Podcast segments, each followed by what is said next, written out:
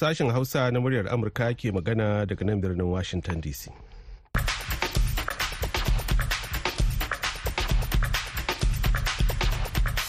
Masu sauraro Assalamu alaikum da fatan a wuni lafiya. Har yanzu dai Ibrahim Kalmasi Garba ne tare da Zahra Aminu Fage da sauran abokan aiki muke farin cikin kasancewa da ku a wannan shiri na daren yau Juma'a 19 ga watan Janairu. A babin rahotanni za a ji wani rahoto na musamman kan ziyarar da sakataren harkokin wajen Amurka Anthony Blinken zai kai Afirka. To ko me masana ke ganin ya janyo wannan ziyarar? Ƙasar rasha tana ƙoƙarin ƙarfafa kudinta na diplomasiya da sauransu a ƙasashen afirka. A baya bayan nan mun ga ita kanta ƙasar amerika tana ƙoƙarin hana wannan ta hanyoyi da yawa sai kuma tattalin arziki sai kuma irin kungiyoyi wa'annan na sa kai. A ci gaba da kawo muku rahotanni da hirarraki na musamman masu nasaba da cikar sashen hausa na muryar amurka shekaru 45 da kafuwa. Za mu kawo maku wata hira da daɗaɗɗen mai sauraronmu sardaunan ilori. Kamar kowace ranar jama'a yau ma muna tafa da rahoto na musamman daga ƙasar kamaru wanda garba awwal zai gabatar inda yau zai taɓo batun ɗaukar waɗanda ba su cancanta ba aikin 'yan sanda ko soji. Akwai mu kuma da labaran wasanni. To amma kafin nan ga zahar aminu fage da labaran duniya.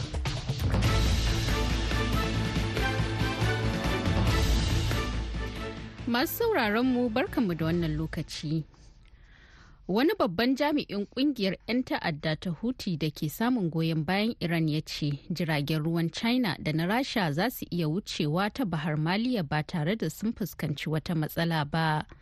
Kamfanin dillancin labaran Faransa ya rawaito cewa Muhammad al wanda memba ne na shugabancin 'yan siyasar ƙungiyar Huti. Ya faɗa a wata hira da ya yi da kafar yada labaran rasha ta izvestia cewa hanyoyin jigilar kayayyaki da ke kewayen ƙasar yemen ba su da haɗari ga jiragen ruwa daga ƙasashen china da rasha matuƙar dai jiragen ba su da alaƙa da isra'ila Ƙungiyar ta Huti ta ce suna nuna goyon bayansu ga Falasɗinawa ne a daidai lokacin yaƙin da Isra'ila take yi da mayaƙan Hamas a Gaza. Kuma sun kai hari fiye da talatin a tekun bahar rum. Sai dai 'yan ƙungiyar ta huti sun kaddamar da hare-hare kan jiragen ruwa da ba su da alaka da isra'ila lamarin da ya sa wasu kamfanonin sufurin jiragen ruwa ke kaucewa hanyoyin jigilar kayayyaki inda 'yan huti suka kaddamar da hare-haren. A yau Juma'a ne ministan yada labaran Pakistan ya ce manyan shugabannin fararen hula da na sojin ƙasar za su gudanar da wani taron nazari kan harkokin tsaro akan takaddamar da ke tsakaninsu da Iran.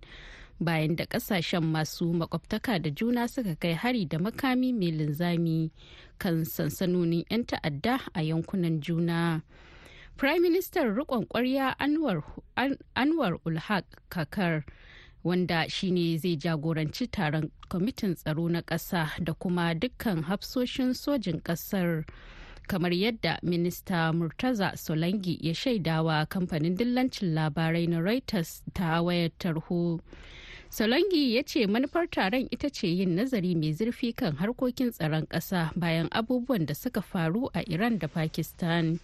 Hare-haren ramuwar gayya da ƙasashen biyu ke yi shine kutse mafi girma da aka gani akan iyakokinsu a shekarun baya-bayan nan. Lamarin da ya haifar da fargaba game da karuwar rashin zaman lafiya a yankin gabas ta tsakiya tun bayan barkewar yaƙin isra'ila da hamas a ranar 7 ga watan oktoba. A gefe guda kuma ita ma iran ta faɗa a yau juma'a cewa ta yi nasarar gudanar da atisayen tsaro ta sama ta hanyar amfani da jirage mara matuƙa waɗanda aka kera domin daƙile hare-haren wuce gona da iri a yankin wanda ya tashi daga kudu maso yammacinta zuwa gabar tekun kudu maso gabashin ƙasar a daidai lokacin da ake ƙara samun tashin hankali a yankin.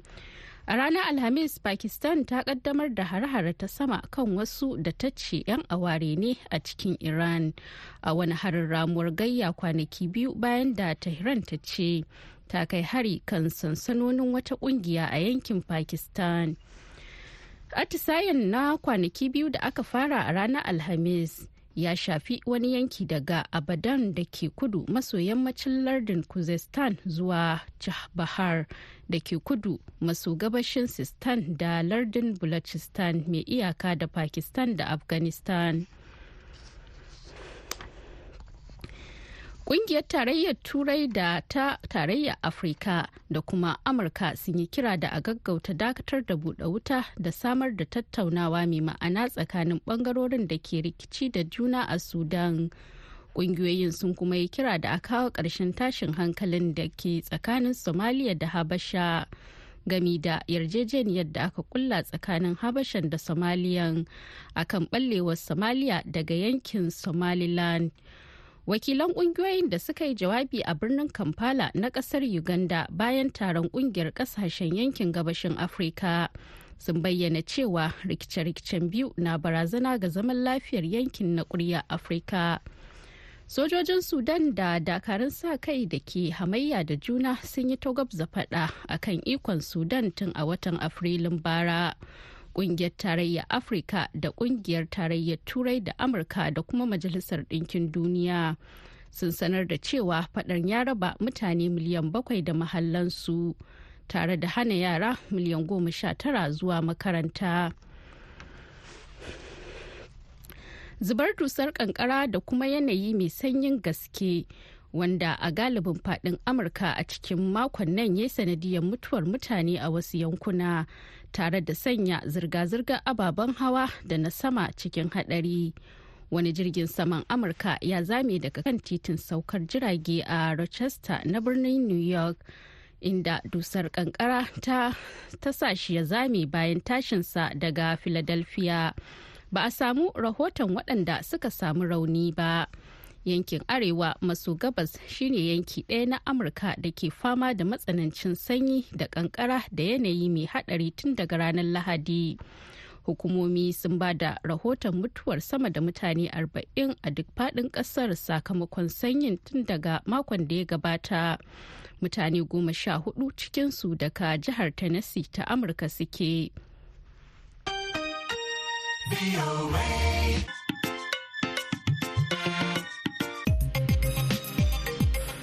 Zahar Aminu fage aka saurara da labaran duniya daga nan sashen Hausa na muryar Amurka a birnin Washington DC.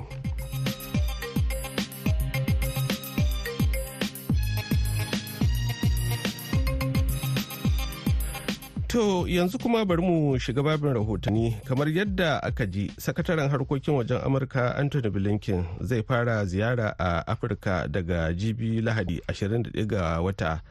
Takamaimai zai ziyarci ƙasashe huɗu wato najeriya da cape verde da abricos da kuma angola. Kan haka ne wakilinmu a abuja hassan maina kaina ya hada mana wannan rahoton.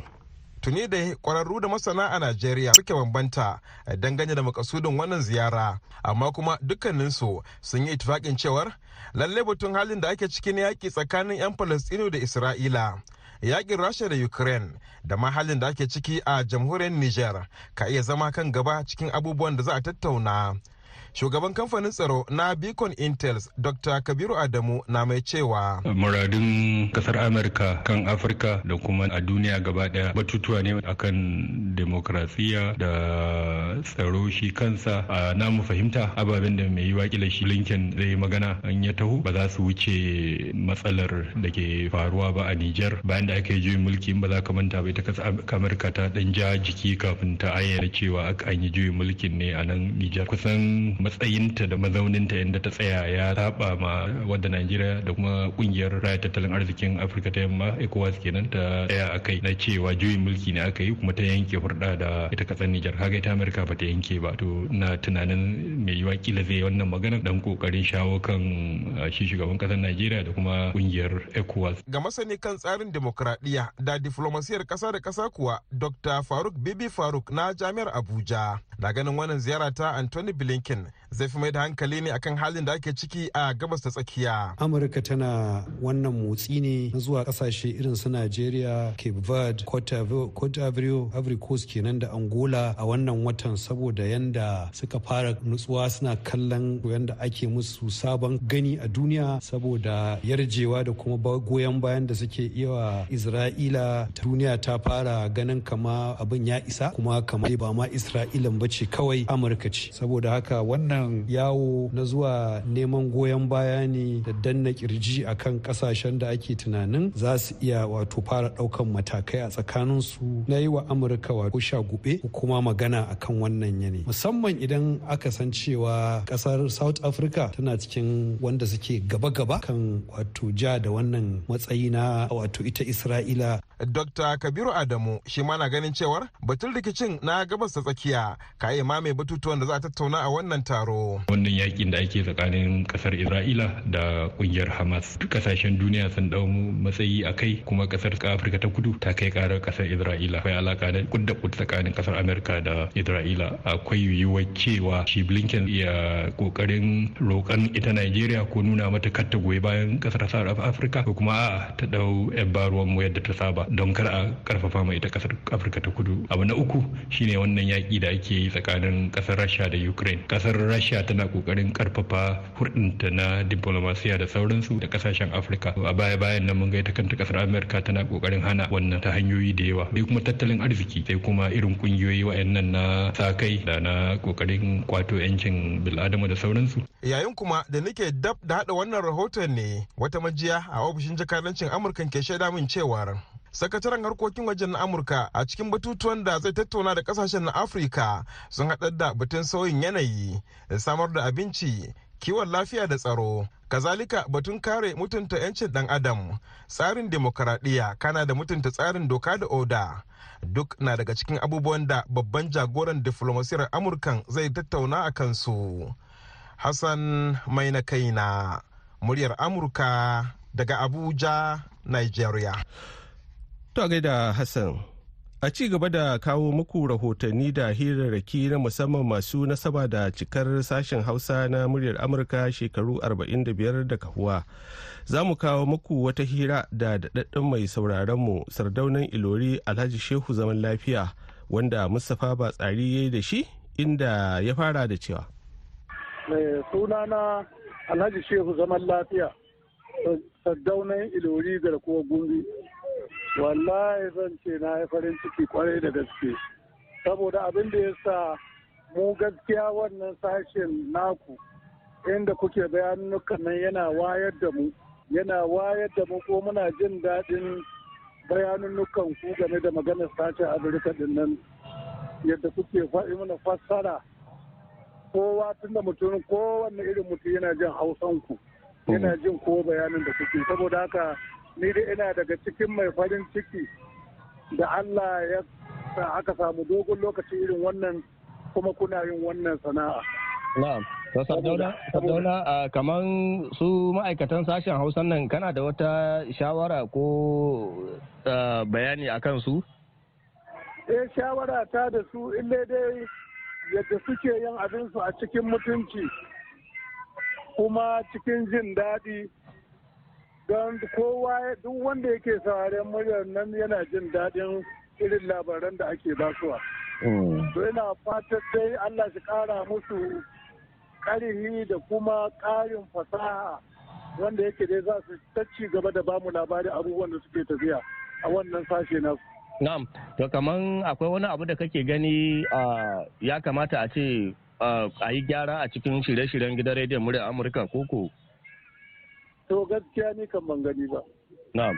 Dan dai waɗanda duk suke yin abin gwanai ne waɗanda sun iya kuma da wuya ka ji kuskure a maganar su. Na'am. To kaga in na kawo wata shawara can daban kaga kuma zai zama laifi ne gare ni nake gani.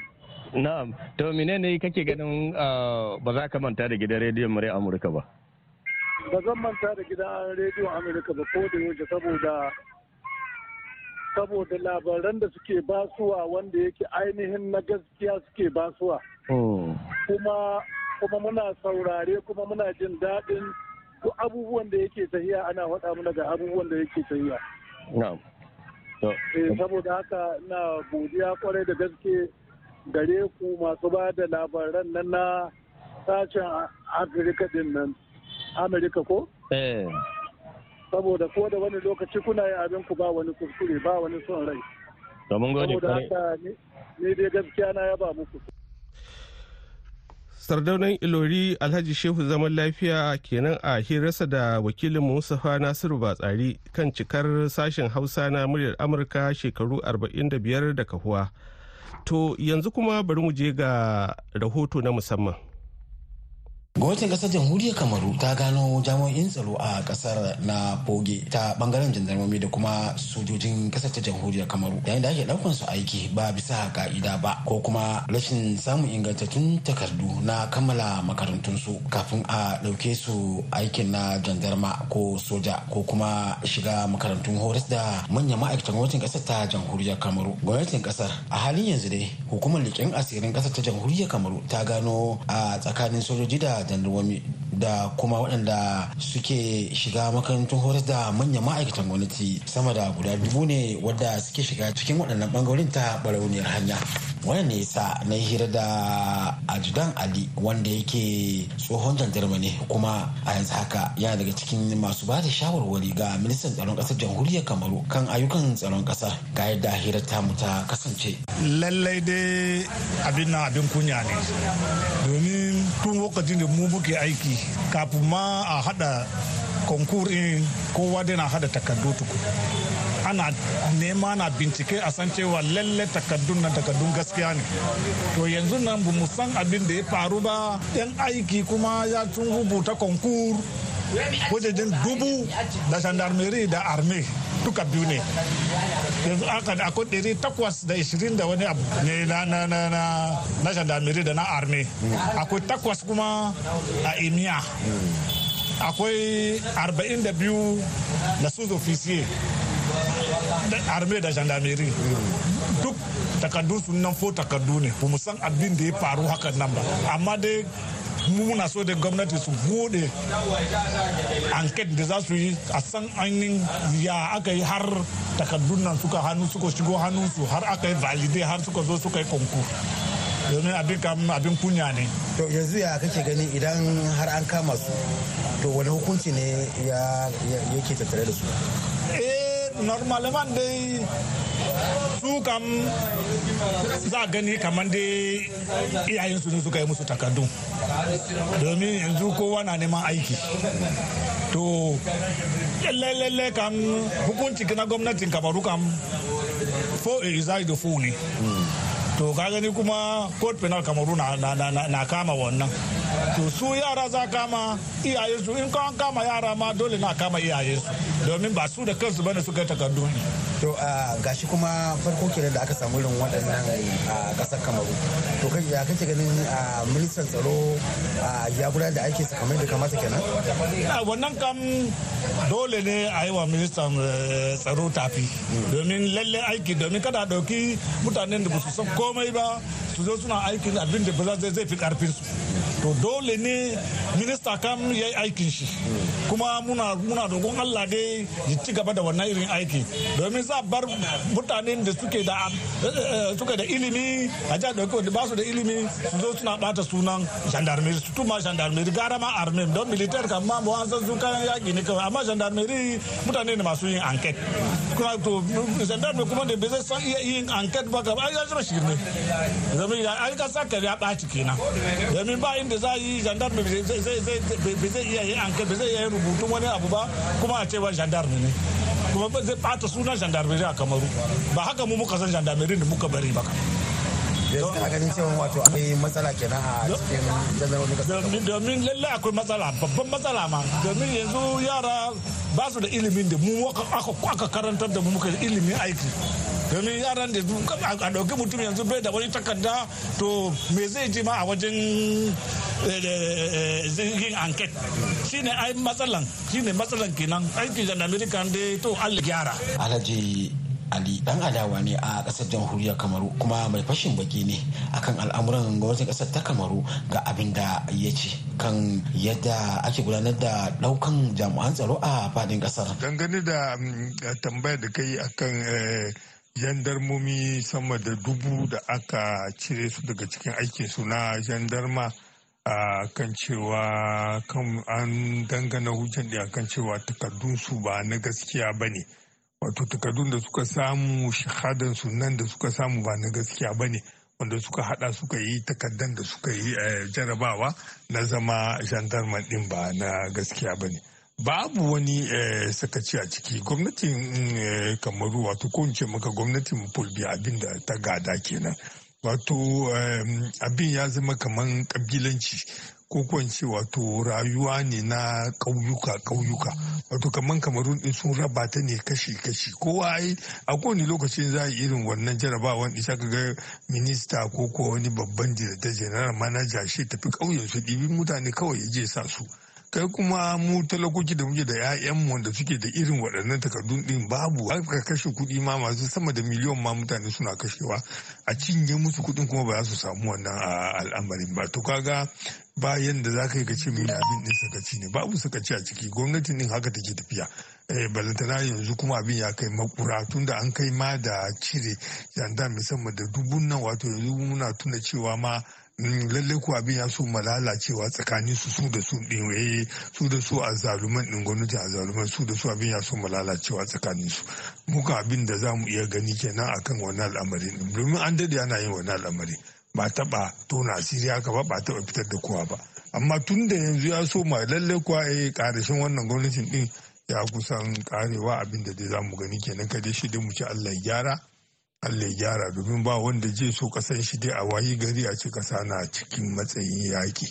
Alhaji Abubakar Garba mai faɗa a jini a gwamnatin ƙasar ta Kamaru kuma ɗan jam'iyyar shugaba Paul Biya ne RDPC ko CPDM masu mulkin ƙasar ta jamhuriyar Kamaru shi ma ya yi mana ƙarin haske kan irin al'amuran da ke faruwa musamman ma a ɓangaren tsaron ƙasar ta Kamaru.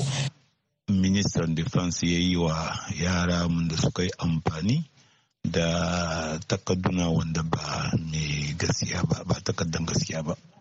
Ina cikin irin binciken da a konkur din shiga manyan makarantu da kuma shiga manyan ma'aikatu ake yi. To ka san abu ne wanda lokacin da ake karɓan takaddunan mutane ana dosiye su tura sai daga baya ake tura wa inda aka yi sayin wa'annan takaddunan din ake bincike. Shi sa ga wani sayin ake samun ɗallati kafin a tabbatar da takaddan gaskiya da mara gaskiya. To amma duk da haka kuma ba gendarme ba ne kawai. A yi gyara da gendarme da militaire ne. Hadda wani suke imiyama suna ciki. To shi sa ka gara nan minista ya magana cewa duk wa'annan dubun za a kore su kuma za a tuhume su domin sun bata wa kasan kafaru suna. To shi sa ka ga abin da ya cancanta a yi da za a iya yi nan gaba kafin a tura su tafiya soma training ya zama da cewa an gama duk wa'annan irin binciken din domin yanzu hakan nan wa'annan in ba kamar yadda minista ya ce ba za su zuga mugayen ƙwayoyi kwayoyuka a cikin al'ummu. Wayan su barayin da kaga suke amfani da bindiga to wayan da su aka kore su ne. To amma na jin wannan karon mataki da ya ɗauka ni yayi mun kyau sabila da ya ce duk za a tuhume su da kuma za a rufe su za a rufe su da kuma suka taimaka musu a yin wannan abin su ma za a tuhume su. To Allah ya kai mu da wannan lokacin din. Amma gwamnati ta ci gaba da saurin bincike kafin yara su je training. Ni nawa gudunmawar zai iya kawo kenan a wannan al'amari. Kasan wannan fitina ba kamaru ne kawai ba. janar salim muhammadu shine mai kula da shiyar bataliya ta arewa mai nisa a ƙasar ta kamaru an da jami'an tsaron ƙasar suke ta artabu da maharan boko haram shi ma ya ce D'autodéfense filtrent au quotidien les entrées et les sorties. za mu tsaya tsayin daka mu ga cewar mun tsince bala gurbi a cikin jami'an tsaron ƙasar kamaru kuma domin in ba mu yi haka ba za a yi kitson da kwarkwata muhammad awal garba muryar amurka daga ƙasar kamaru a gaida awal garba kafin mu ci gaba ga wannan saƙon.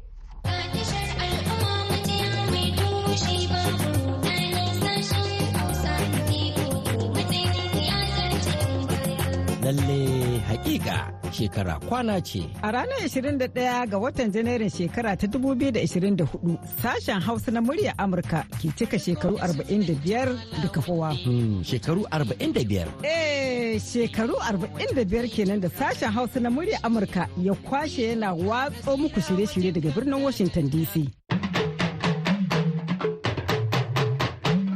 Kamar kullum wannan karon ma mun yi sauye-sauye a tsarin shirye-shiryenmu domin daidaicewa da zamani da kuma biyan bukatun ku masu saurare. Mun fito da wasu sabbin shirye-shirye na rediyo da suka hada da daga kawayenmu. Zamantakewa da Allah ɗaya gari bamban. Da kuma dandalin 'yan jarida. Lokutan muna nan ba su canja ba. Haka ma, mitocin da ake kama mu ma ba su sauya ba. Zamani riga a ɓangaren talabijin ma mun yi muku kyakkyawan tanadi tare da ƙirƙiro sabon shirin nishaɗi na dardumar BOA. Haka kuma a gefen sadarwa ta zamani za ku ga sauyi a dukkan shafukanmu na intanet tare da sabbin shafuka na duniya Amurka da tafiya mabuɗin ilimi har ma da ingantaccen shirin na na ji na gani da ke kawo muku faruwar al'amura kai tsaye a duk faɗin duniya. Sashen Hausa na muryar Amurka majiya kwakwara ta yada labarai da rahotanni. Ku kasance tare da mu a ko da yaushe domin biyan bukatunku shine muradinmu. To yanzu kan a ɗan shakata da wannan.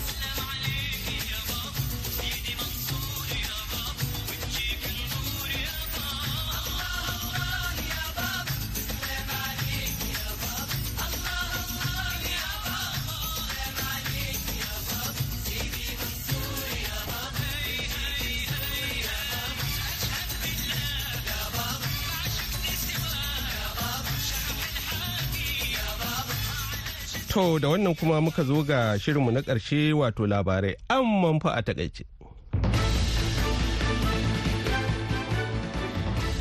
Wani babban jami'in ƙungiyar 'yan ta'adda ta Houthi da ke samun goyon bayan Iran ya ce jiragen ruwan China da na Rasha za su iya wucewa ta Bahar Maliya ba tare da sun fuskanci wata matsala ba. Kamfanin dillancin labaran Faransa ya rawaito cewa Muhammad al wanda memba ne na shugabancin 'yan siyasar ƙungiyar Houthi. ya faɗa a wata hira da ya ta kafar yada labarar ta rasha ta izvestia cewa hanyoyin jigilar kayayyaki da ke kewayen ƙasar yemen ba su da haɗari ga jiragen ruwa daga ƙasashen china da rasha matuƙar dai jiragen ba su da alaka da isra'ila a yau juma'a ne ministan yada labaran pakistan ya ce manyan shugabannin fararen hula da na sojin ƙasar za su gudanar da wani taron nazari kan harkokin tsaro akan takaddamar da ke tsakaninsu da iran bayan da ƙasashen masu makwabtaka da juna suka kai hari da makami mai linzami kan sansanonin 'yan ta'adda a yankunan juna. A gefe guda kuma ita ma iran ta faɗa a yau juma'a cewa ta yi nasarar gudanar da atisayen tsaro ta sama ta hanyar amfani da jirage mara matuƙa waɗanda aka kera domin daƙile hare-haren wuce gona da iri a yankin da ya tashi daga kudu maso yammaci zuwa gabar tekun kudu maso gabashin ƙasar. To masu sauraron mu da haka muka kawo ƙarshen shirinmu na wannan lokacin sai kuma gobe da safe idan Allah ya kai mu za a ji mu ɗauke da wani sabon shirin. Yanzu a madadin Zahra Aminu Fage da ta taya ni gabatar da shirin da producer mu Fiona Nandu da Wamayi da kuma injiniyan mu na yanzu Andrend ni ibrahim kalmasi garba ke muku fata alheri. Wassalam.